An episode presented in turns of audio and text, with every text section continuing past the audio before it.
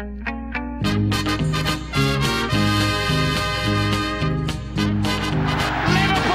are champions of Europe again. Liverpool are prize winners again. Liverpool is in the record books.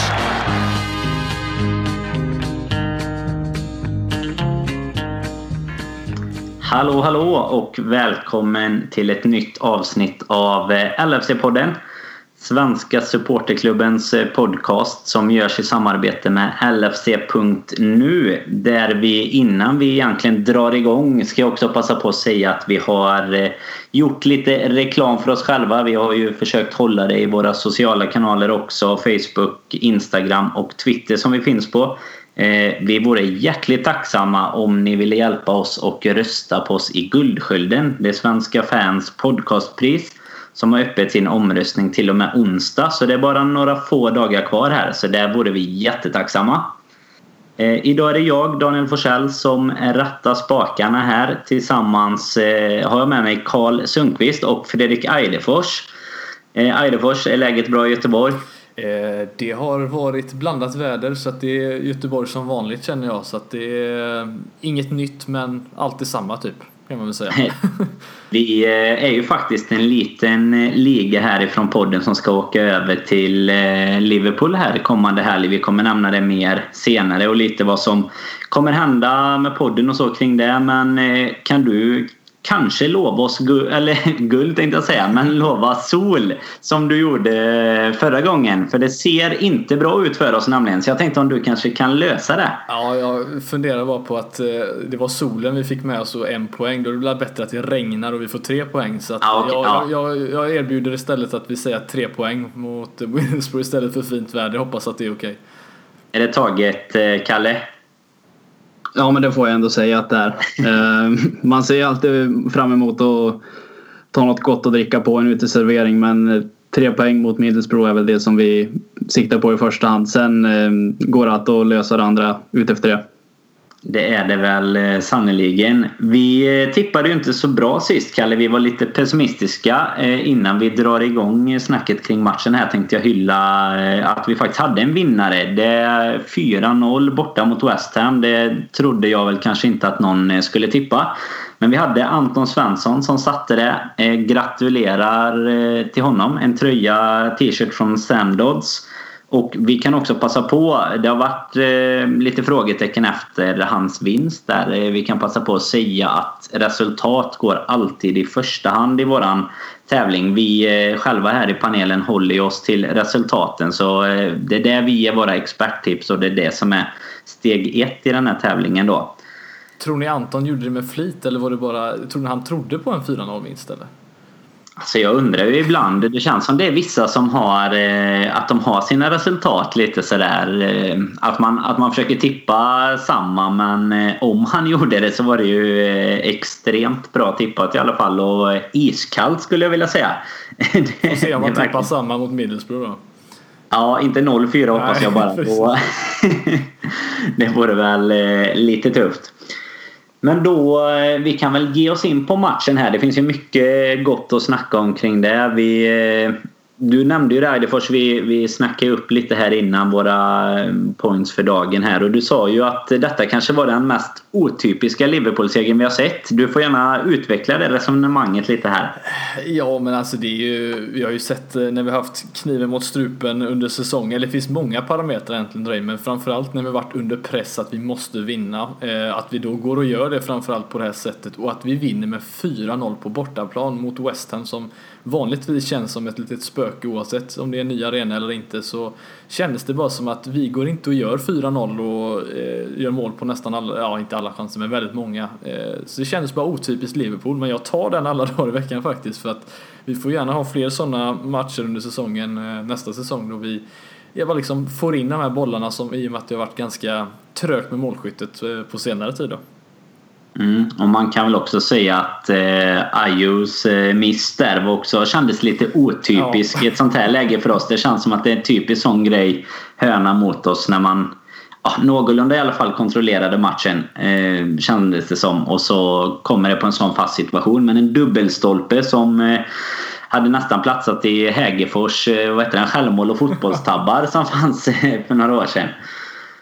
Eh, du nämnde ju det med. Det var ju faktiskt den 52 arenan i Premier League som Liverpool vann på. Du sa ju den nya arena och allt det för West Ham. Eh, flest i historien eh, är det ju i Premier League. Något att stoltsera med här när vi går för en Champions League-plats istället för en titel som Chelsea säkrade i veckan.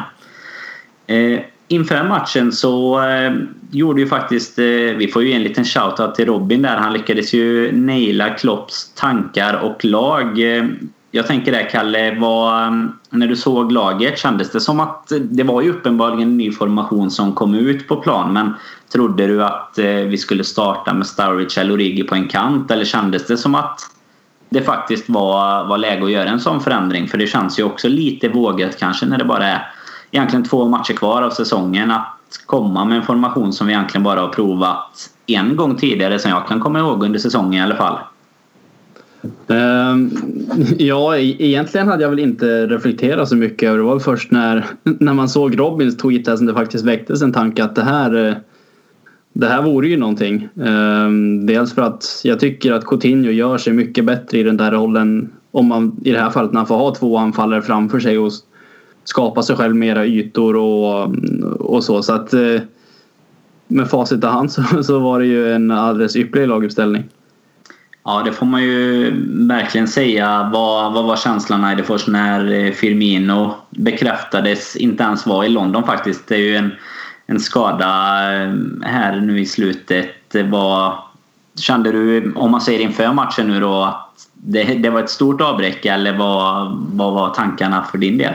Eh, jo men Firmino, vi vet ju vad han erbjuder. Eh, det är ju en helt annan typ av anfallare än Origi och, och Starwich då. Eh, som är de tre som har eh, rullat runt under säsongen och eh, det första tanken var just det med formation, det var ju att när man ser då Klopp, eller om det var två dagar innan, prata lite om det här med att Coutinho framförallt eh, skulle göra sig bra i en central roll eller lite mer sittande roll för att kunna vara mer en playmaker. Då kände man ju redan direkt att det finns någon tanke bakom det och när man har då två friska anfallare så känns det ju ganska ganska smart att, att köra det då och, eh, och det finns väl inget bättre situation att göra det än när Firmino är borta att just ha de här två där framme Eh, så att för en gångs skull känns det som att vi liksom kunde dra nytta av en skada på något sätt och göra om lite och det gick ju faktiskt ganska bra trots allt ändå.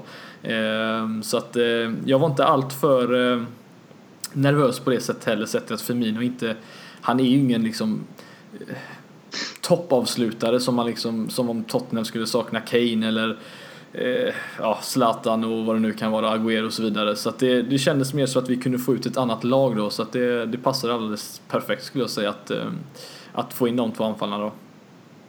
Jag tycker väl själv egentligen att eh, det, det, känns nu som de senaste nu. Det var, detta var ju faktiskt fjärde raka bortasegern för oss och eh, det känns som att vi på något sätt får lite bättre utgångsläge även om det är tuffa bortamatcher vi har haft när... Eh, alltså Firmino tror jag hade varit perfekt i en sån här hemmamatch mot ett sånt lag som faller hem. Jag tror West Ham hade fegat lite mer om man säger så. Även om de var ganska så strukturerade i alla fall under första halvlek. Men det känns som att skulle vi varit på Anfield så hade de kanske hållit ännu tätare där bak. Eh, vad, vad tror du där Kalle? Känns det som att i, alltså är, det, är det nyttigt att kanske ha... Vi kommer ju komma in på Starwich såklart eh, senare med men det här med att vi har två olika formationer så sett som eh, delvis kan funka i olika lägen. Eh, vad borde man anpassa det mer tycker du efter motstånd egentligen eller, eller bör man egentligen ha en formation som det här är våran grund och att man egentligen bara ändrar vid skador som den här då till exempel?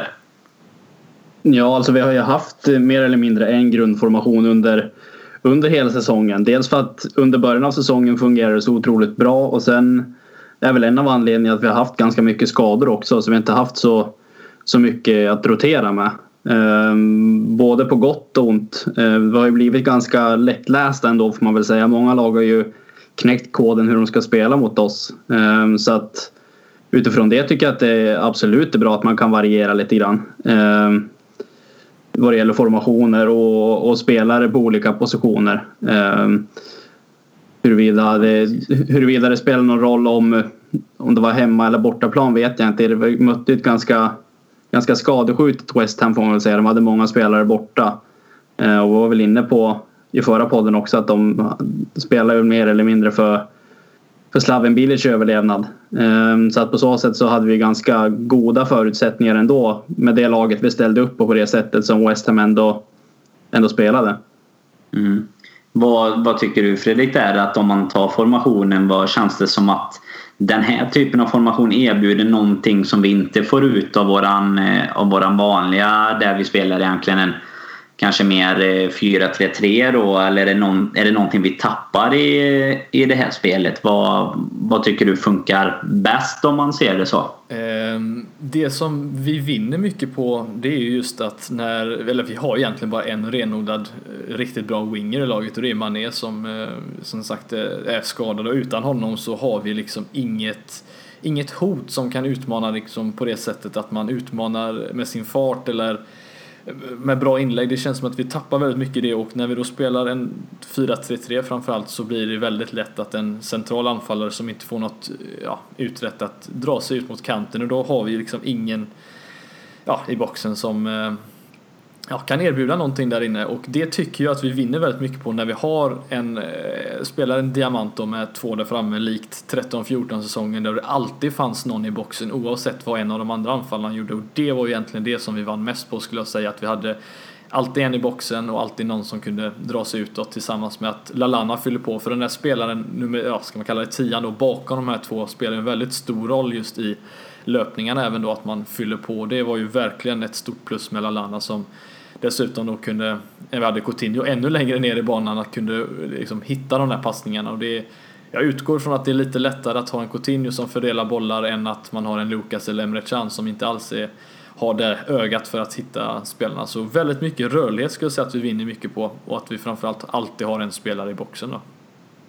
Vi har ju varit inne lite på just det eh, att det kanske... Man såg ju tydligt igår att Coutinho kom längre ner och styrde spelet lite mer och, och vi var ju inne på det, jag har varit inne i några veckor egentligen här nu när vi kanske har tagit lite poäng men spelet har ändå knackat lite att eh, Lukas och, och Emre Can kommer ner och sköter det som Henderson under första halvan av säsongen skötte egentligen exemplariskt men att det kanske... Ja, vi förlorar ju lite mer när vi inte har riktigt den foten på de eh, gubbarna egentligen.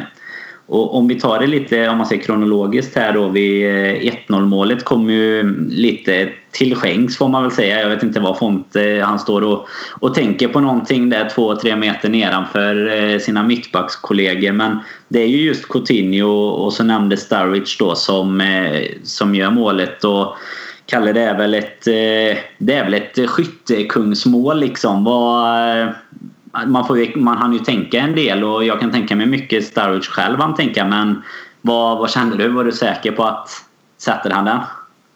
Nej, man vågar aldrig vara säker trots att jag brukar brukar vara ganska optimistisk oftast faktiskt. Men eh, det är väl så. Är det någon spelare egentligen som man vill ha i de där lägena så är det väl så är det kanske Sturridge. Jag tycker ofta att han gör det väldigt bra när han får utmana målvakten en mot en. Um, han har ju faktiskt gjort ett sånt mål. Han har gjort tre mål i år och två av dem har ju faktiskt varit när han har varit fri med målvakten. Även mot Stoke där när han kom in. Mm. Uh, så han är väl rätt spelare att ge just chansen för det.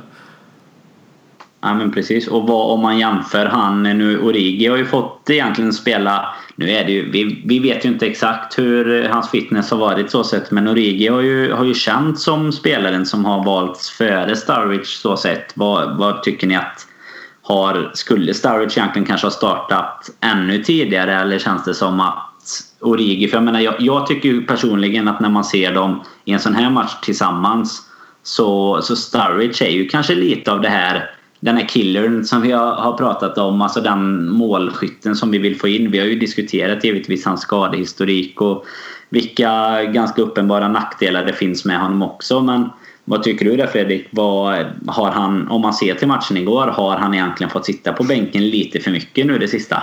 Eh, ja, alltså jag hade ju hoppats att vi hade, Klopp hade kunnat göra en sån här formationsbyte eller testat på det i alla fall när det, ja, tidigare när det har sett lite knackigt ut. Och vi vet ju att två anfallare mot ett lag som sitter lågt, det, det skadar ju inte på något sätt. Det är ju bara snarare att vi har två stycken renodlade anfallare som kan utmana ännu mer. Så att jag tycker det är lite konstigt och eh, när Firmin varit frisk så har jag väldigt svårt att se hur eh, Firmin, eh, Sturridge hade kunnat komma in för Sturridge som om man då får eh, ja, vad man har läst tidigare att han vill ju inte spela ute på en kant egentligen. Han är ju bäst centralt så att Eh, Eh, jag tyckte det är konstigt att Sturridge inte har fått eh, fler chanser men samtidigt så vi vet ju inte hur frisk han har varit men lite inhopp, fler inhopp känns det som att han hade kunnat göra men eh, han har ändå varit på bänken i ganska många mer matcher som han har fått, inte har fått spela då.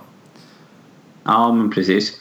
Sen eh, framspelaren där då, Coutinho, vi, vi pratade ju lite om kantspel och så. Han har ju fått ta en, en lite, ja, kanske den mest otacksamma rollen egentligen i, i Klopps formation. Eh, eller otacksam otacksam, men den där han själv inte kanske vill spela. Nu, nu är han ändrad eh, in centralt, styr spelet som vi pratade om. Han gör ett assist där, sen gör han ju två mål också eh, i matchen och han har ju egentligen varit inblandad nu i sex av våra tio senaste mål. Gjort fyra av dem själv och två assist.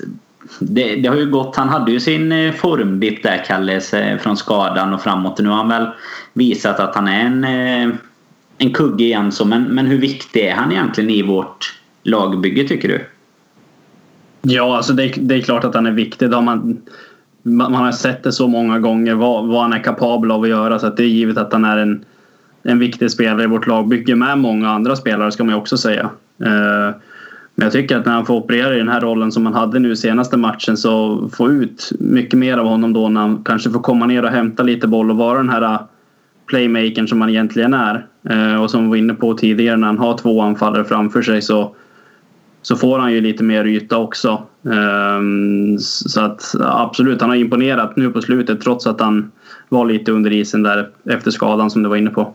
Sen tror jag mm. att det är många spelare, eh, jag vet inte om ni får samma känsla, men min känsla är att många spelare vill ta fler löpningar även när han har bollen. Alltså det känns som att det öppnar upp mycket mer.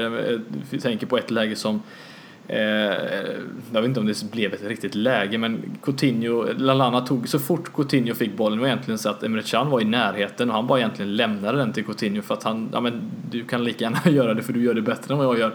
Och man ser direkt att en Starwich driftar ut ut till höger, försöker hitta yta, eh, Origi möter och sen så tar Lalana en djupledslöpning. Alltså tre stycken olika typer av löpningar på grund av att Coutinho kan slå alla de tre bollarna och har eh, liksom kvaliteten att kunna hitta de möjligheterna och det känns som att de, de, de löper mer när du vet att det är en spelare som faktiskt kan slå bollen också. Det är ju verkligen ett plus när, som jag har sagt tidigare också under säsongen, eller det senare av säsongen, att det har varit väldigt stillastående och statiskt eh, i anfallsspelet och det känns som att när Coutinho får eh, liksom vara playmakern i det hela så känns det som att det blir väldigt mycket mer rörelse och det vinner vi ju alla dagar i veckan på.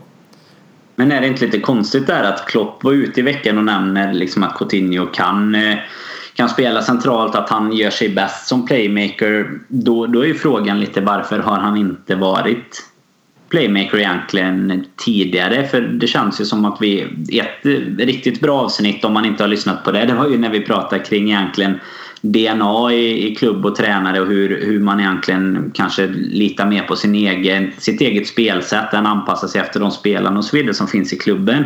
Men om vi tar här då Fredrik, vad känns det som att... Jag menar här gör vi ju en ganska tydlig egentligen. Det, det, känns ju som att den här, visst Firmino är borta, men det känns som att den här formationen kommer till väldigt mycket av det spelarmaterialet som vi egentligen har tillgängligt för att kunna ställa ett så bra lag på benen som möjligt. Med givetvis en liten reservation för att våran bänk inte är den starkaste och vi har pratat om det med att truppen kanske inte har den bredden vi, vi behöver men eh, vad, vad, tror du har Klopp eh, svalt lite av den eh, priden i, i eh, det om man säger att han han känner att vi, för det kanske behövs ett litet S i rockärmen. Jag menar, vi har, det har ju precis som du sa där, det har varit rätt stillastående och eh, stagnerat spel. Vi slog Watford mycket tack vare egentligen eh, Chans eh, individuella briljans under 10 sekunder liksom. Och eh, mot Southampton hade vi jättesvårt att spela och kunde ju ha vunnit matchen med, med en straff. Men känns det som att han någonstans har kommit underfund med att det kanske behövs något nytt också för att vi inte dels då ska kanske bli sönderlästa eller sönderscoutade av av även enklare motstånd om man säger så då? Alltså jag hoppas ju det för att visst, jag imponeras mycket av tränare som spelar samma spelsätt och alltid liksom eh, tror på det de gör men jag imponeras nästan mer av, av, tränare som kan anpassa sig lite efter utmaningen som står framför dem och, och Klopp visste ju att vi, visst, vi behöver, det kan bli en målskillnadsaffär på det hela också och eh, vi behöver mål och köra två anfallare och lyckas göra fyra stycken. Eh, så jag hoppas att han har lite känt lite att eh, han behöver göra förändringar och anpassa för att få ut så mycket av laget. Och det får han i den formationen som är nu. Och sen visst, hans Dortmund har kanske inte spelat fotboll på det sättet eh, med två renodlade anfallare och, och en diamant. Men att kunna anpassa sig är väldigt viktigt även för spelare men lika, lika mycket för tränare. För att det, det kommer vara situationer då de kommer behöva ändra och inte bara under matchstart utan även in, innan matchen. Och komma ut med rätt taktik för att man inte ska ha förlorat just 45 minuter på att det har varit fel från början då. Så att eh, jag hoppas att Klopp har gjort det och jag känner som att det här är den optimala anfallsmässigt. Försvarsmässigt tycker jag inte det sett till att hur det såg ut försvarsmässigt i första halvlek med att eh, Klein och framförallt då Milner, eh, de får inte så mycket hjälp av den här potentiella yttermittfältaren som ska vara där då, eh, i detta fallet Coutinho och om det var Wijnaldum. Så att det är, det är bra för oss att gå framåt men kanske inte defensivt och försvaret inte är vår starkaste sida. Då. Det känns väl också som, eh, som ni båda varit inne på redan. West Ham kom ju kom ju till matchen med lite skador. De kom ju kanske dessutom inte med så mycket annat att spela för än en Bilic överlevnad egentligen då. De kan, kunde tagit sig upp till åtta eller nio tror jag under matchen och inte egentligen någonting som är mer än av akademiskt intresse så sett. Men känns det som att detta, det kanske är den här typen av match då som vi ska komma och, och kunna satsa lite mer på anfall. Jag menar vi var ju själva i stort sett i alla fall piskade och, och vinna så att det är klart att är det någon gång vi kanske behöver offra lite så, så är det ju kanske en sån här match. Men vad tror du det Kalle? Alltså 4-0 på pappret och egentligen kanske med, med mer smak. Det är ju det är väldigt imponerande när man ser det så här. Det är dessutom en väldigt pressad match såklart för spelarna också. Men känns det som att vi har... Alltså, alltså kändes det som i höstas igen eller att vi liksom har eh, kan vi till slut ta åt oss av alla de här eh, Instagram och inläggen och tweetsen att det är cupfinal. Liksom har vi börjat visa en sida att okej okay, nu gäller det nu. Nu, nu ger vi fasen allt här eller vad, vad var ditt intryck av matchen på så sätt? Ja, alltså givetvis rycker de upp sig. Det ska de ju naturligtvis göra när det, när det gäller så här mycket men jag hade faktiskt den känslan som du beskrev när man, när man såg matchen. Det var jävligt trivsamt, trivsamt faktiskt att se den och man hade den här känslan som man hade, hade under hösten när allting gick som på räls och man förväntade sig nästan mål på varje anfall. Det var ju bud på, på mål hela tiden. Ehm, så att det var ju en fantastisk känsla att få, få ha det igen istället för att se tillknäppta försvar och som Fredrik var inne på statiskt spel. Så att det är ju fantastiskt att se. Och framförallt eh, kan man säga det var ju Ja, de gör ju upp till dans absolut tyckte jag West Ham i första halvlek. Men när vi kom ut i andra där då kändes det som att de nästan hade hade gett upp eh, den här dagen lite eller vad, vad tyckte du där Fredrik? Ja, alltså de, de eh, framförallt på kontringar så löpte de inte direkt tillbaka med, med fullt manskap så att det, det såg ju verkligen ut som ett uppgivet West Ham och det är inte Alltså jag tycker alltid att vi har problem mot, mot Western just för att de ofta, oftast är väldigt fysiska och på något sätt får med publiken att heja på att vi liksom klarar inte av pressen. Men här, de kom ju aldrig in i, den, eh, i det scenariot. Så att de var, de var verkligen under isen i andra halvlek. Och det var ju bara underlättat för oss då vi kunde få in tre bollar. Så att eh, men samtidigt, man ska ju ta vara på chansen för att vi vet ju hur, hur, hur det ser ut för oss ibland att vi kan, eh, vi kan ha hur många chanser som helst, leda med 1-0 och sen så slår de till där i 85-87 minuten och så går vi därifrån med en poäng istället för tre och fyra mål gjorda. Så att, eh, eh, credit till oss för att vi faktiskt tog vara på chansen trots att West Ham var urusla i andra halvlek. Så är det ju och vi hade ju absolut eh, läge på fler. Vi hade ju Matip och Wijnaldum, det ledde ju i och för sig eh, vidare till mål sen men eh, även Origi hade ju ett skott i ribban var det va? Mm. Så att vi hade ju tre ramträffar dessutom eh, i matchen utöver de fyra målen. Det som jag tänker lite kring om man tar det kan man ju blanda in lite till kommande match Middlesbrough här också men Starwich som sagt eh, kom in och gjorde, gjorde en bra match. Har gjort fem mål på sju matcher mot West Ham nu. Det är egentligen det, hans favoritmotstånd kan man säga. Om, eh, om ni hade fått välja här inför sista, inför sista matchen om man säger då eh, ni får de här tre alternativen. Det är ju beror ju lite på formationen. Det är, ska båda spela Origi eller Starwich? Vad, vad säger du Kalle? Mm, ja, alltså jag tycker vi ska ställa upp med, med samma formation rent positioneringsmässigt. Sen vet jag inte hur läget är med Firmino om det är så pass att han inte inte kan spela till helgen eller om det finns möjlighet. Så fall skulle jag nästan vilja se Starridge och Firmino framåt eh, istället för Origi. Men rent uppställningsmässigt tycker jag det funkar så otroligt bra den här matchen. Jag förväntar mig nästan att vi kanske får se någorlunda samma matchbild på söndag mot Middlesbrough som kommer och inte ha någonting att spela för. De har ju redan åkt ur så att ja. Mm. Håller du med honom Fredrik? Ja, nej men Firmino vet jag inte vad, jag har faktiskt inte läst vad var det som var med honom eller vad problemet med skadan på honom. Eh, jag kommer faktiskt inte aldrig ihåg vad det var han, eh, han hade åkt på. Om det var något all, allvarligt tror jag inte det var, men om det var något så här förslitningar eller om det var vad det nu kan vara. Oavsett, jag, jag håller med Kalle. Jag, ska, kan han spela så tycker jag att eh, Firmino Sturridge känns som ett ganska intressant och Eh, potentiellt roligt anfallspar att kolla på faktiskt. Det är nästan så nära Suarez Sturridge man kan komma i form av typ av spelare så att det, det, det tycker jag, det skriver jag på i alla fall. Vi kan ju också passa på att nämna, jag, jag sa väl det kort innan kanske, men vi spelade ju den här formationen även mot eh, Tottenham i ligacupen var det va? Då spelade ju Sturridge och Rigi tillsammans och även då gick det... 4-4-2 va? Kändes, var det inte det? Alltså, var, jo det var det men kanske i och för sig. Det var tvåmannaanfall i alla fall. Tvåmannaanfall var det ja. Och då, eh, även det gick ju, gick ju bra så att det är klart att eh, ett tvåmannaanfall har vi haft som, som du nämnde det. Vi har haft väldigt goda erfarenheter av det tidigare. Eh, så att det hade väl, eh, jag kan hålla med där att man, man gärna ser det för man, man får ut ja, lite mer tycker jag med som du var inne på Eidefors innan. Det är en sak när vi har kanske Mané och säga att vi, vi skulle skaffa oss en extremt bra winger till men då, då blir det istället lite tufft kanske med konkurrensen kring vilka som ska spela där inne med Coutinho, Firmino, Starwich om han nu blir kvar och så vidare. Vi, vi, kan väl i och för sig ta den direkt där med. Vi har ju diskuterat det lite innan. Vad har ni ändrat? Eh, eller ändrat ståndpunkt. Jag vet inte vart precis ni stod innan men vad säger du Kalle Starwich? Eh, kommer han bli kvar här efter sommaren eller är det dags att, att säga adjö?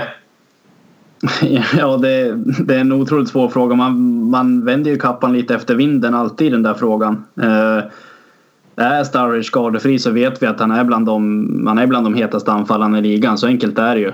Eh, men samtidigt så man bär ju alltid på en osäkerhet om man drar på sig de här skadorna eller inte. Jag sa ju för någon månad sedan kanske det var att jag skulle ge ganska låga odds på att han går till West Ham i sommar. Jag tror inte att det är helt omöjligt.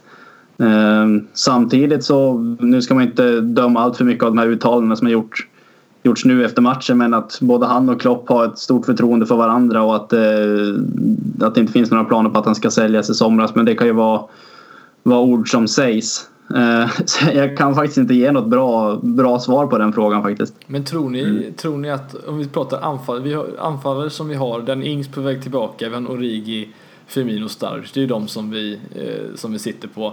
Tror ni att Sturridge är liksom den enda anfallaren som, som kommer lämna i sommar för att skulle till exempel en Ings eller en Origi liksom röra på sig beroende på hur det, hur det ser ut, då blir det en helt annan situation om Klopp känner att han vill ha en anfallare som man ändå vet besitter en stor kvalitet. För jag, jag tror inte att Sturridge möjligtvis skulle vara den enda anfallaren i så fall som skulle lämna. Eller tror ni att han bara är han i så fall som skulle lämna?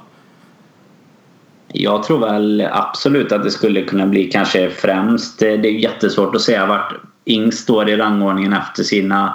Om vi snackar skador på Sturridge har ju Ings haft extrem otur. Och där det känns det väl kanske snarare, tycker jag, som en spelare som har en väldigt lång bit eh, för att ta sig in och samtidigt som jag kan tänka mig att Origi är en sån spelare som eh, han är fortfarande ganska ung också. En sån spelare som är ganska skön att ha som truppspelare medan jag tror att Starwich har ganska mycket högre krav. Alltså han kommer inte nöja sig med att vara en truppspelare som kanske Origi. Jag skulle kunna tänka mig att Origi i alla fall gör det i, i någon säsong, alltså som tredje anfallare till exempel.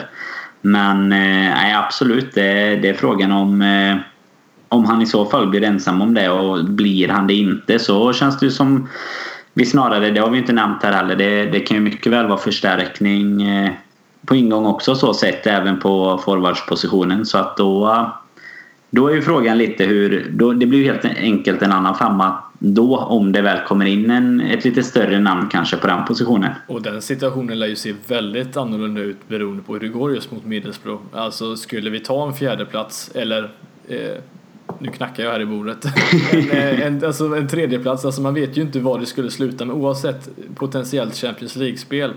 Eh, alltså skulle man ta en sån som jag har skrikit efter, en Lacazette till exempel, han ligger ju före egentligen alla våra anfallare och då så kommer vi, det är det Champions League och vi får, får in en sån spelare och då pratar vi ju helt andra förutsättningar för, för en, ja allihopa egentligen. Då ligger kanske inte ens Firmino högst upp på den listan längre och då, inte för att Firmino skulle lämna men just att det, det kan ju verkligen variera beroende på vad det är för namn som kommer in om nu en anfallare är det är något vi är ute efter så att det kan ju bli en väldigt intressant sommar med anfallsuppsättningar i alla fall men vi vet ju att vi behöver få in mer kvalitet så att eh, vad det lämnar Starwich det får vi väl se. Alltså min, min spontana känsla är väl egentligen om vi ska se till, till spelare som, som kan säljas av de du nämnde där så tror jag att om det är någon som säljs då är det nog då är det nog Sturridge för att det, det har ju ryktats om att vi kommer ju mest troligt värva värva en bra forward den här sommaren. Däremot tror jag inte att det är helt omöjligt att man skulle kunna låna ut en spelare som Danny Ings efter de här skadorna som behöver lite behöver lite speltid. Så att eh, jag skulle inte bli förvånad om han skulle lämna på ett lån och, och om Starwich säljs om det, om det värvs, värvas en, en forward. Det tror jag inte är helt omöjligt. Nej precis och det är, det är väl egentligen givetvis som du är inne på. Det mycket kommer ju bero på på de här sista omgången för våran del och två sista omgångarna för City och Arsenal då. De spelar ju redan imorgon tror jag det var båda två har jag för mig. Mm. Eh, City spelar väl mot West Bromwich och Arsenal har Sunderland. Så att eh, det kommer ju givetvis göra mycket för vilka spelare vi kan locka till oss. Eh, främst då en vi har ju pratat om det, skillnaden på tredje fjärde plats såklart. Men eh, det är klart att en fjärde plats är ju också Champions League om en kval. Men det tror jag inte kanske spelar jättestor roll? Eller tror ni att det gör, om man ser det bortsett från hur mycket det givetvis spelar roll för oss som klubb och hur, hur kul det hade varit att gå direkt in i ett gruppspel. Men hur mycket tror ni det gör på transfersommaren om man säger så? Alltså är det skillnad i att, att vara klara för gruppspelet eller kval när man tittar på spelare som om man tar Lacazette som exempel, tror ni att en spelare värderar det på olika sätt eller är Champions League ändå, ändå Champions League? Liksom? Vad, vad tror du där Fredrik? Eh, alltså det känns ju som att eh, jag tror jag lyssnat på lite andra poddar som har pratat om det här och, och alltså de pengarna som kommer in i Premier League Alltså det är ju bara att kolla på ett lag som, jag tror inte Chelsea gråter floder för att de inte spelar Champions League när de vinner Premier League nu för att det, det klingar ganska ordentligt i kassan att vinna Premier League och sen alla de här TV-avtalen och så vidare så jag tror inte där är det stora problemet. Sen är det klart, tar du en spelare som kommer från ett mindre lag. Om vi tar ett exempel då med Lacazette. Ja, självklart, han spelar ju Champions League med Lyon nästan varje år och självklart vill han ju spela där med. Men jag tror inte om vi skulle scouta och ta in en sån spelare eller förhandla med en sån att det spelar någon roll om vi är tre eller fyra faktiskt. För att eh, han kommer till, till en betydligt större liga, eh, mycket mer pengar. Eh, och troligtvis kan han skjuta till exempel ett lag till Champions League också. Så att jag tror inte det påverkar allt för mycket eh, om vi skulle hamna tre eller fyra det är väl lite så att Champions League har ju någonstans gått eh, från att vara, eh, göra, utgöra egentligen en extrem skillnad på klubbarna som, som går dit, precis som du är inne på. För om man bara tänker ekonomiska då, till att egentligen kanske just i Premier League i alla fall inte spelar riktigt lika stor roll ur den synpunkten. Sen är det klart att alla de bästa spelarna vill ju såklart visa sig på den bästa scenen. Men eh, nej, det är ju när klubbar som, eh, som Watford och, och dylikt kan hämta spelare från topplag i Italien och sånt. Då, då vet man att det finns, finns pengar i ligan om man säger så. Eh, om vi tar tempen lite där då. Vad, jag vet inte om ni vågar nu när det är så kort tid kvar. Man får väl inte jinxa någonting. Eh, vart kommer Liverpool hamna, Kalle? Vi blir skyldiga folk en jävla massa bärs om inte annat om, eh, om vi inte lyckas eh, knäcka nöten Middlesbrough här på söndag. Men kommer vi, kommer vi lösa det med en match kvar? lösa fjärdeplatsen tänkte du eller? Ja, eller ja. eventuellt tredje om West Bromwich kan, kan visa sig fina imorgon. Men fjärdeplatsen minst då. Ja, men det, det tror jag vi ska göra. Det, ja, jag har svårt att säga. man måste säga det. Jag har svårt att säga. Du kan säga det. Liksom så här, man vill vara så himla självsäker men man vet ändå innerst inne att det behöver inte betyda någonting att vi möter Middlesbrough som är så utslagna man kan bli egentligen. Alltså, det är jobbigt att ha den känslan alltså.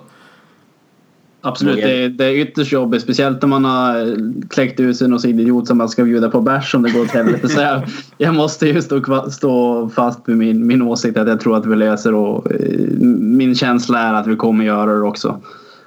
Vågar du eh, breaka i podden här Eidefors att vi, att vi löser fjärdeplatsen? Du, första Minst. breaket vi gjorde någonsin i en podd det var, det var när Bylund sa att vi värvar Victor Valdes. Så att jag tänker inte breaka något i den här podden för det verkar inte gå så bra. Nu brydde jag mig inte så mycket om Victor Valdes visserligen men det, att breaka något i podden känns inte som att det går vägen. Så att jag vill inte säga någonting. Du, du håller dig till tipptävlingen här sen så får vi se vart du, vart du står där. Nej, vi får se vart du står sen. Du, du måste kläcka ur ett resultat här om, eh, om några minuter ja, framåt. Så att det, det, kommer vi, det kommer vi få se var du, var du står någonstans. Nej, Ja, vad inför eh, en sån här sista match nu då som vi, som vi har här som sagt i Middlesbrough som väntar till helgen avsågade. Det nämnde ni här redan. Vad, vad kan man egentligen förvänta sig av ett sånt lag? De, de borde ju teoretiskt sett inte ha någonting att spela för men är det Kommer de för att förstöra festen eller vad, vad tror ni? Hur kan inställningen vara i ett, i ett sånt lag, Kalle, tror du? Som redan... Ja, de, de har ju som sagt, det finns ju ingenting att, att spela för alls. Det är bara att förbereda sig på nästa säsong. Ja, men är det, är det någonting de kan komma och spela för så är det ju att förstöra festen. Så att de får väl rikta in sig på det och, och um, ha det som mål att de ska förstöra det för Liverpool. Samtidigt så tycker jag att Middlesbrough är absolut bland det sämsta jag sett den här säsongen tillsammans med Sunderland som jag äntligen får se åka ur. De har hållit sig kvar så många år i rad när jag vill att de ska åka ur varje år. Um, men min spontana känsla är att de, ska de spela för någonting så är det ju till att förstöra festen. Men som sagt så tror jag tyvärr inte att de kommer lyckas med det för deras skull. Något som ger oss lite fördel där såklart inför en sån här match det är ju att eh, de har ju varit otroligt dåliga på att göra mål. Faktiskt Middlesbrough. Eh, jag tror eh, att de är, ja, de är garanterat bland de sämsta men eh, de hade ju en period där de var där de ja, gjorde extremt få mål och den enda egentligen som som har visat lite av sin tidigare form från City det är väl Negredo. Han gjorde bland annat ett mål mot dem för ett tag sedan men vad, vad tror du där inställningsmässigt Eidefors kan, kan, ska ett sånt lag... Alltså det ska väl inte finnas egentligen att de kan komma när vi går för, för Champions League egentligen. Det blir ju väldigt stort men det, det ska väl inte finnas att ett sånt lag kan komma och ha en motivation som kan slå, nej. slå oss egentligen. Nej, de, de, nej, det ska inte gå men alltså vi vet ju, vad, alltså allting kan hända. Du har ju en, en eh, superytter i Stuart Downing som lika gärna kan dra, göra världens eh, supermål. Alltså man vet ju aldrig sådana här situationer. Och en Adama Traoré som superfarlig. Och de har alltså små enstaka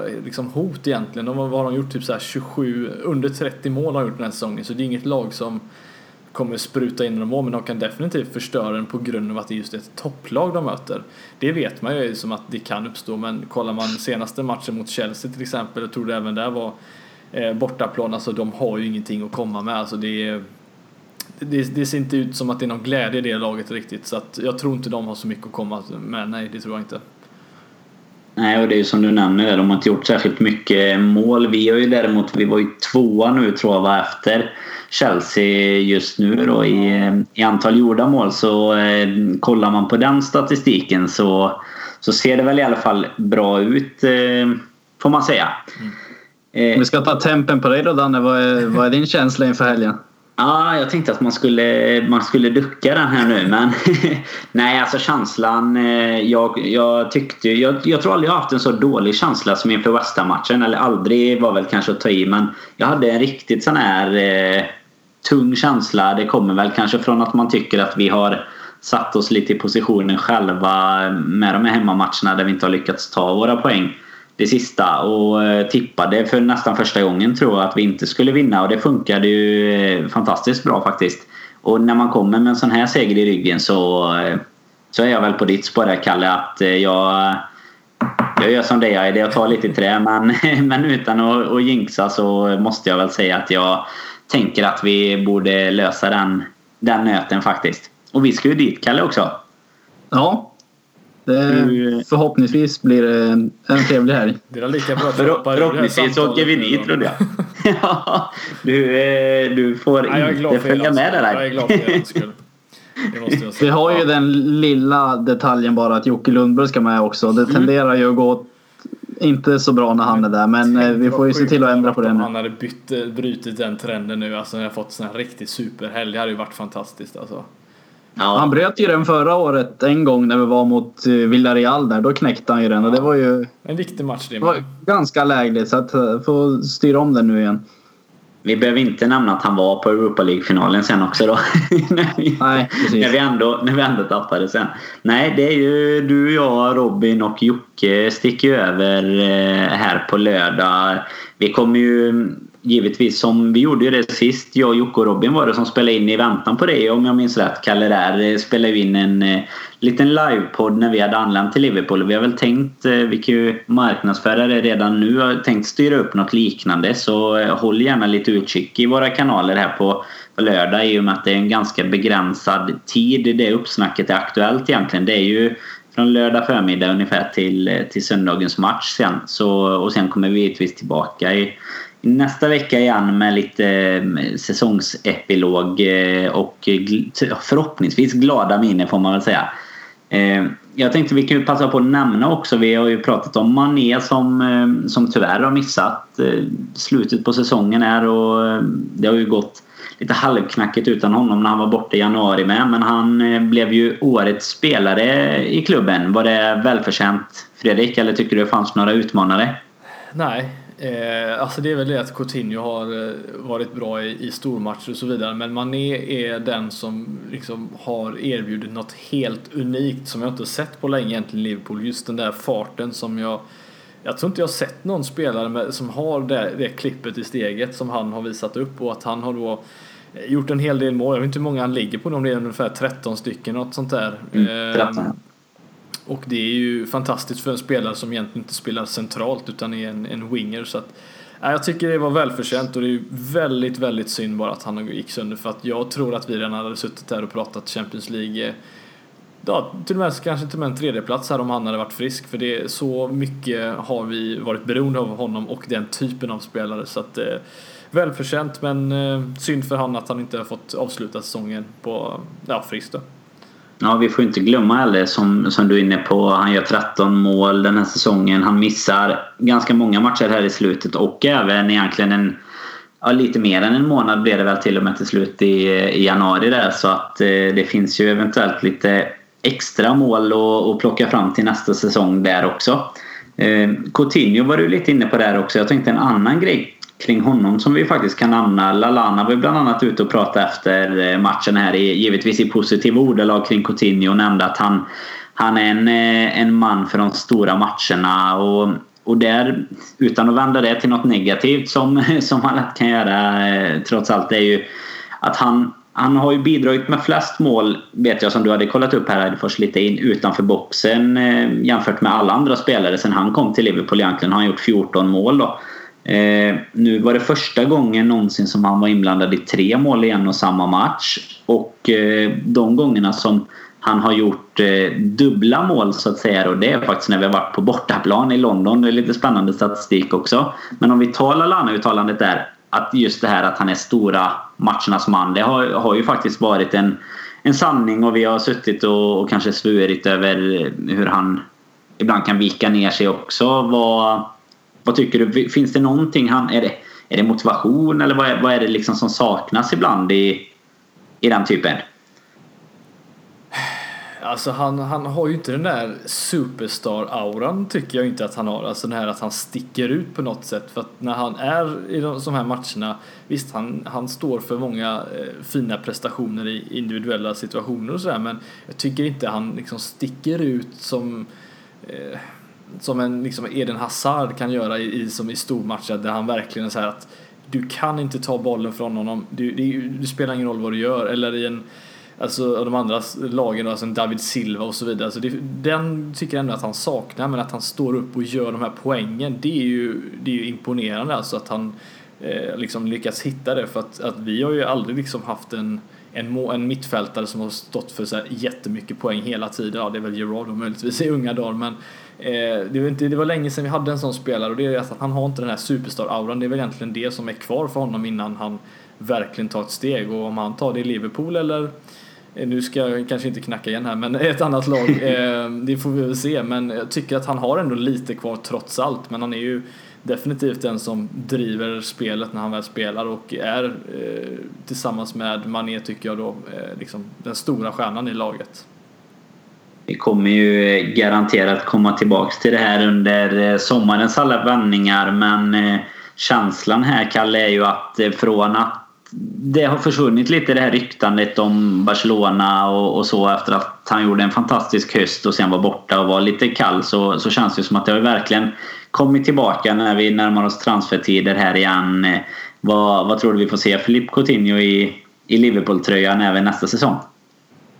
Ja, men ja, jag, känslan är det. Jag, jag, upplever ändå inte han som en sån här spelare som nu ska vi inte säga någon, någonting illa om Suarez. Jag älskar honom fruktansvärt mycket. Men det, han ville ju ta det där nästa steg. Det är givetvis att Coutinho också gör det.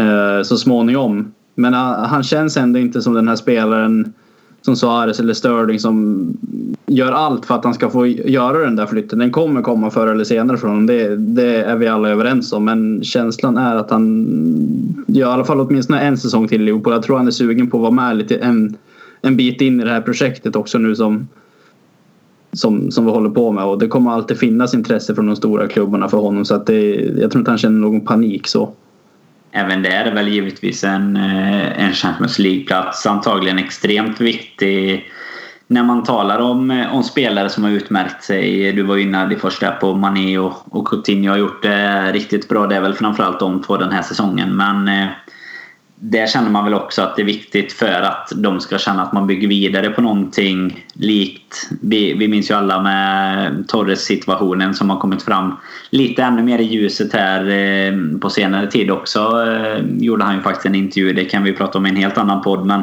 där det just handlar om att vi har det här långtgående projektet som faktiskt tar sig någonstans också. Att man inte kommer en liten bit och sen börjar man om på noll och så gör man samma sak igen. Och det känns som att i dagens fotboll så, så har spelarna inte riktigt tid att vänta för länge heller. Och därav är väl egentligen en Champions League-plats också väldigt viktig för att man vill slåss på den här yttersta toppen då när man pratar eh, de här allra bästa spelarna som vi har egentligen.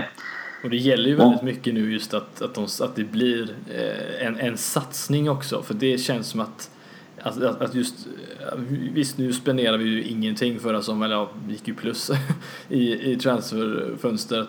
Men att det finns en ordentlig plånbok att liksom satsa nu för att de här spelarna ska skulle kunna stanna ytterligare ett år till exempel för att det visar sig att det gick så pass bra eh, under nästa säsong och det gäller verkligen nu att, och det känns, allting talar också för att det kommer bli en väldigt hektisk transfersommar framförallt eh, med, med stora värvningar som jag hoppas på nu också då, dyra värvningar framförallt. Eh, Eh, och det kan ju också vara väldigt avgörande att det verkligen, att det verkligen visar framfötterna nu på transfermarknaden och satsar på det här så att det inte blir en halvdan transfersommar för då, då vet man ju inte, då, då blir det ju nästa säsong de kommer att lämna möjligtvis. Eh, men skulle det gå väldigt bra om man skulle satsa hårt då finns det ju chans att de faktiskt stannar ytterligare en säsong och då kanske man skulle kunna sitta där med en, en ligatitel beroende på hur bra det går men alltså att vi har tagit sådana framsteg i alla fall. Det du nämner där Fredrik, det tror jag är nästan minst lika viktigt som, som en Champions League-plats. Min känsla och att jag tror vi har pratat om det ganska många gånger också tillsammans utanför podden att uteblivna värvningar och sånt. Det är ju, förr eller senare kommer inte en, en satsning som, som de här spelarna, som Coutinho i det här fallet upplever är, är värt att stanna för. Då kommer de lämna. Eh, så att jag tror att det är minst lika viktigt som, som att kvalificera till Champions League.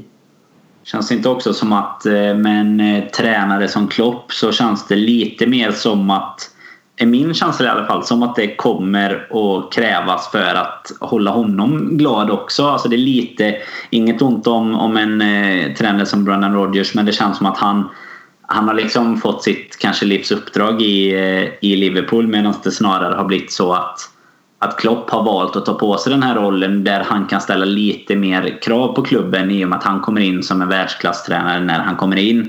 Nu har han uppenbarligen bevisat vad han kan kan göra. Det ryktas ju väldigt mycket om att han ska få bra backning ekonomiskt och så från ägarna också. Det känns väl också som att han i sig bara har en, en viss dragningskraft för spelare också. Jag tänker mig att det, det känns som att han har ett projekt som, som är brett i världen egentligen. Folk vet hur han vill spela. Oavsett om Liverpool alltid spelar så eller inte så känns det som att det är en attraktiv fotboll och ehm, ja, det, det, känns som att det är många som vill vara en del av det. Eller vad, är jag fel ute tror du Fredrik? Nej, alltså det är jag definitivt inte. Men jag, jag känner så här att ett Klopp tror att spelarna känner så här att han skulle jag kunna ta de här extra löpmetrarna för. Jag tror inte riktigt att när du har en tränare som inte har jobbat upp ett rykte än, eh, som Rodgers inte riktigt hade på det sättet, Jag tror inte att eh, spelarna känner att att de, kan, de, de springer liksom det sista, liksom, de orkar inte men de gör det ändå. Liksom. Jag tror att Klopp, eh, liksom, han, man får de, de, det känns som att spelarna eh, liksom ger, ger ifrån sig lite mer när du har en sån tränare som de vet att de respekterar, som eh, tror på spelarna dessutom. Och jag tror att det, det vinner vi jättemycket på framförallt med, med Klopp. Då.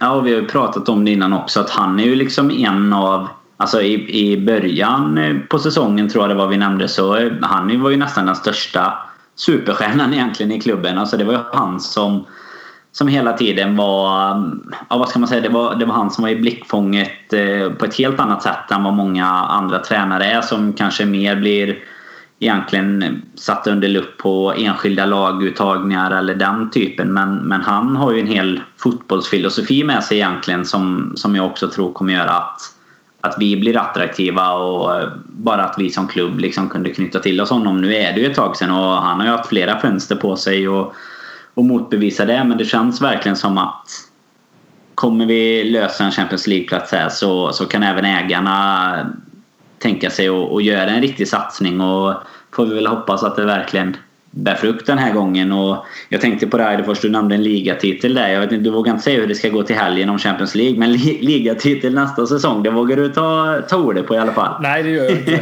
Ja, det, det, kan jag inte riktigt påstå. Jag vet att det kommer bli rubriker om jag skulle säga det. Nej, men... Eh, Alltså det, det, är bara det att det, det känns bara som att eh, med Klopp och med rätt backning som Kalle säger och att det, hur viktigt det är eh, att det gäller att vi tar ett att vi inte tar, om vi tar två steg framåt så kan vi inte ens ta ett steg tillbaka. Vi måste gå framåt hela tiden.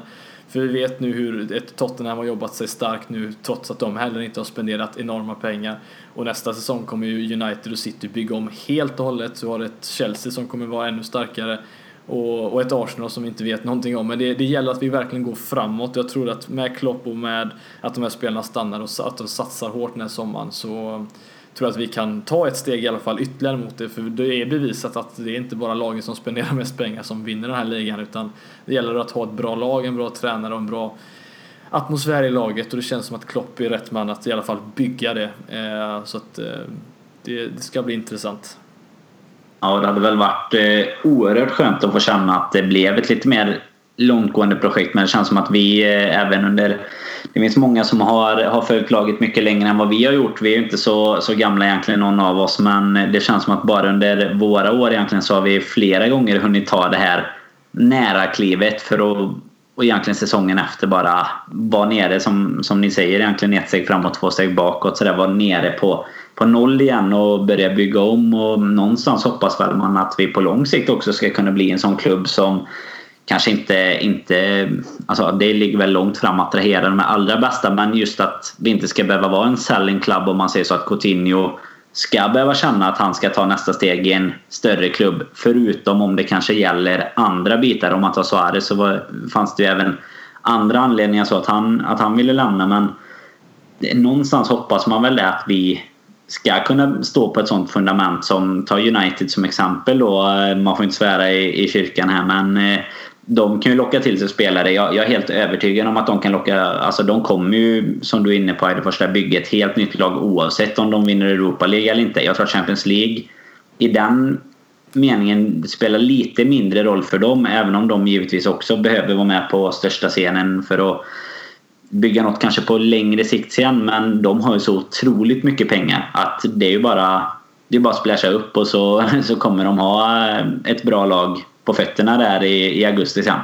Ja, alltså de hämtar ju Griezmann utan Champions League-fotboll till exempel, utan problem. Det är, det är bara att erbjuda honom pengar så tror jag att det, det är en så pass stor klubb på det sättet och det är ju det vi har att jobba mot eh, den här sommaren. Att, att eh, hitta spelare och jag vet inte, eh, det känns som att alla våra transfers är ute liksom, i nyheter så att alla vet ju nästan vad det är för spelare vi kommer gå efter och det är väl eh, på gott och ont också visserligen men eh, det känns som att vi måste verkligen bygga på ett smart sätt också och inte bara för vi kommer ha stora lag som vi ska jobba mot och jag tror inte det eh, kommer bli den lättaste utmaningen den här sommaren i alla fall. Nej, det är som du säger, det är ju alltid väldigt eh, transparent så idag. Nu, eh, nu stod det häromdagen att Klopp väldigt gärna vill göra klart. Han verkar ju ha lite sådär. Eh, han vill gärna göra klart transfer. Alltså, han vill göra det tidigt på transferfönstret, göra klart affärerna. Det har ju känts lite så tycker jag i alla fönster egentligen. Det har ganska fort varit klart vad, hur laget kommer se ut och, och, här, det är klart att skulle det nu bli en fjärdeplats till exempel så är det ju ännu viktigare för då kommer vi ju kanske ha säsongens ja, bland de viktigaste matcherna redan i början eh, där vi egentligen behöver övervinna ett kval då. Sen är väl alla matcher givetvis i Premier League eh, viktiga men, eh, men det blir ju någonstans ett betyg på hela den här säsongen om det nu blir en fjärde plats. Vi får ju hela tiden lägga till den disclaimern där. vi får väl se lite här nu med då. Vi, som sagt, vi sticker ju över eh, och eh, vi får ju inte eh, lämna lyssnarna här utan våran expertis. Jag, nu, jag kan inte göra mig själv till självutnämnd tipp, tippexpert här och jag Ja men precis. Jag har faktiskt haft fel eh, en del gånger ville jag lägga till här nu precis med. Eh, det var, det var ett tag sedan nu. Och jag vill bara passa på lite med i, i tipptävlingen där. Vi, vi måste eh, hylla våra... Alltså, gå in och följ Olle Wilén på, på resultattävlingarna. Han, han, hade ju, han var med i utlottningen när vi körde ju lite live eh, live-lottning förra veckan. Det var några stycken som hade tippat rätt. Då var han ju rätt. Och denna gången hade han 3-0 till Liverpool såg jag eh, i flödet där. Så att där har vi nog en man. andra en chans också. Det är väl det. Ja, det var det. Jag tror han hade missat den här situationen där där Wijnaldum är, är på lite tveksam. Jag vet inte om det var lite hans armbågssituation där när vi kontrade och West Ham bara gav upp. Det kanske möjligen var det målet som han, han inte hade räknat hem där. Men om vi ska bistå här. Vi är ju tre kloka huvuden tillsammans. Eh, om vi börjar med dig Fredrik. Vad helgens match eh, på Anfield. Hur, hur kommer den sluta? 2-0 till Liverpool.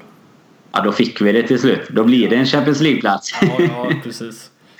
Kalle, vad säger du med Jocke Lundberg eh, bredvid dig?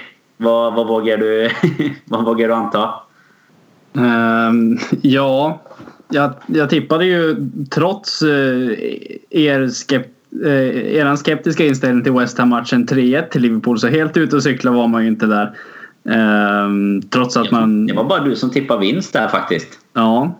Ja, det är snyggt. Eh, men eh, jag säger väl trots Jocke Lundberg närvaro så får jag kanske prova samma resultat igen då. Vi kör som du, din tes som du hade där innan att man provar samma resultat många gånger. Så 3-1 Liverpool.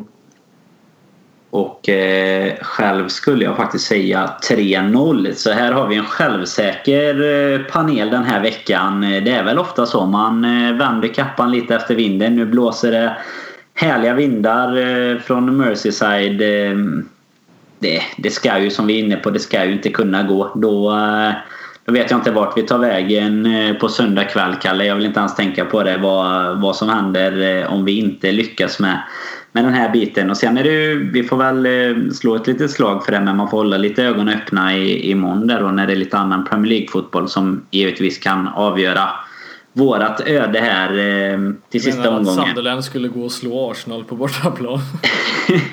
ja, på tal om att inte ha så mycket att spela för alltså. Ja, precis. ja, nej, det kanske... Hänt, men hade det hänt då tror jag ni hade kunnat åka med ett leende på läpparna redan eh, på morgonen när ni åker dit och kännas ganska glada. Ja, då, eh, då kan, vi, kan jag och Kalle i alla fall klappa plånboken lite extra innan, innan vi drar igång det. Eh, nej men det är väl egentligen allt för den här veckan grabbar. Vi får som sagt slå ett slag till här nu att eh, håll lite utkik till helgen när vi är på plats. Det kommer komma en, eh, en podd. Kanske något lite kortare var det ju sist. Vi får se vad vi, vad vi får ihop där eh, på engelska sidan där. Men eh, missa inte heller som vanligt tävling på Twitter. Gäller att tippa resultat, minut för sista mål och eh, sista målskytt. Så det kommer komma upp här eh, under början på veckan någon gång. Tills vi hörs igen får vi tacka för att ni har lyssnat. Slå ett ytterligare slag för att ni ska in och, eh, och rösta på oss där i Guldskölden. Det kommer finnas information som sagt på lfc.nu och på alla våra sociala medier. Så vore otroligt tacksamma. Vi vet ju att vi har eh, världens bästa lyssnarskara med så att man får, man får hålla tummarna här. Annars hörs vi igen till helgen eller nästa vecka så får ni ha det så gott tills dess. Ha det bra!